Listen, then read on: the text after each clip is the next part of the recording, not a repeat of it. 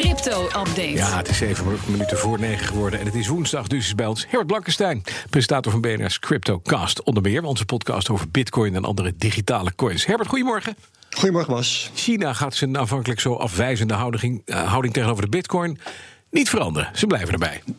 Ja, dat klopt. En dat kun je nieuws noemen omdat uh, bijna vier weken geleden alweer president Xi Jinping een lans heeft gebroken voor blockchain-technologie. Daar moest dan het Chinese bedrijfsleven mee aan de slag. En toen is meteen de koers van de bitcoin gestegen met wel 40 procent.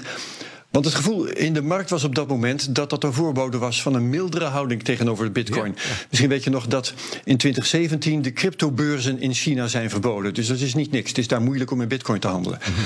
Nou, deze week um, heeft de president ouderwets uitgehaald naar bitcoin en andere coins. Hij leek wel een bankdirecteur. Hij noemde ze frauduleus en piramidespellen. Dus het is duidelijk dat er voor de bitcoin geen eerherstel komt in China. Dat is jammer. Heeft de koers daarop gereageerd? Ja, hè?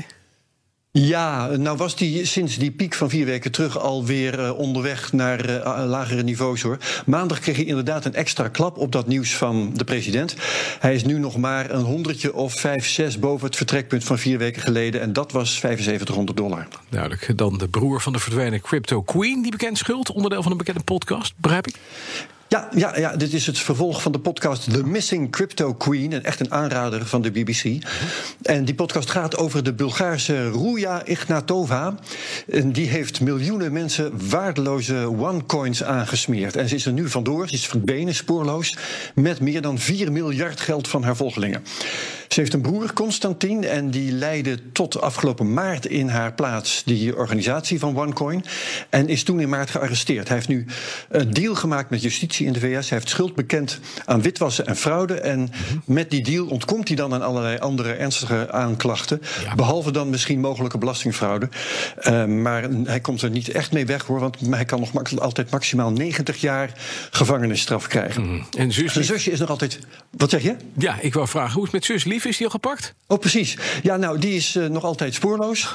Okay. En um, als je wil weten hoe dat allemaal zo gegaan is, de inhoud van het voorafgaande, dan kun je luisteren naar de Missing Crypto Queen van de BBC. Met 4 miljard kun je ook uh, best een mooie bunker bouwen ergens diep in de bergen waar niemand je ziet, volgens mij. Maar... Zo is dat. En plastische chirurgie uitvoeren trouwens. Dat schijnt dat gedaan te. Dat, dat samen en dat in één koop. Je eigen podcast, ja. CryptoCast, Herbert, wat ga je daarin doen? Echt iets bijzonders. We hebben David Choom uh, als gast. En dat zeg je misschien niks. Maar die man heeft in de jaren 90 al digitaal geld uitgevonden. Op basis van cryptografische technieken. Net als Bitcoin dus zo'n beetje. En dat was nou ja, 15 à 20 jaar voor Bitcoin. Hij noemde dat toen e-cash. eCash heeft het niet gered om allerlei redenen. Er waren geen smartphones, geen uh, banken die wilden meewerken. De bedrijven en het publiek begrepen niet wat ze eraan konden hebben. Maar David Chom is intussen wel een levende legende.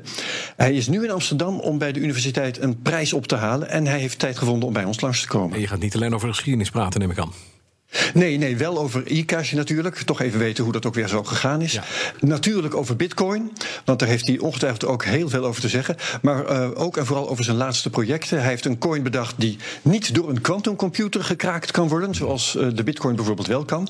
En hij heeft een communicatie-app verzonnen die niet alleen versleuteld is, net zoals WhatsApp bijvoorbeeld, maar ook geheim houdt met wie je communiceert. En dat doet WhatsApp niet. Nee, precies. Nou, Chom is een Amerikaan, dus uh, we doen het voor het eerst in de geschiedenis van de CryptoCast in het Engels. En dat staat allemaal klaar vanaf morgenavond. Dus vanaf morgen heet je gewoon Herbie Blankenstein van de CryptoCast. Zo is dat. Dankjewel, Herbert Blankenstein.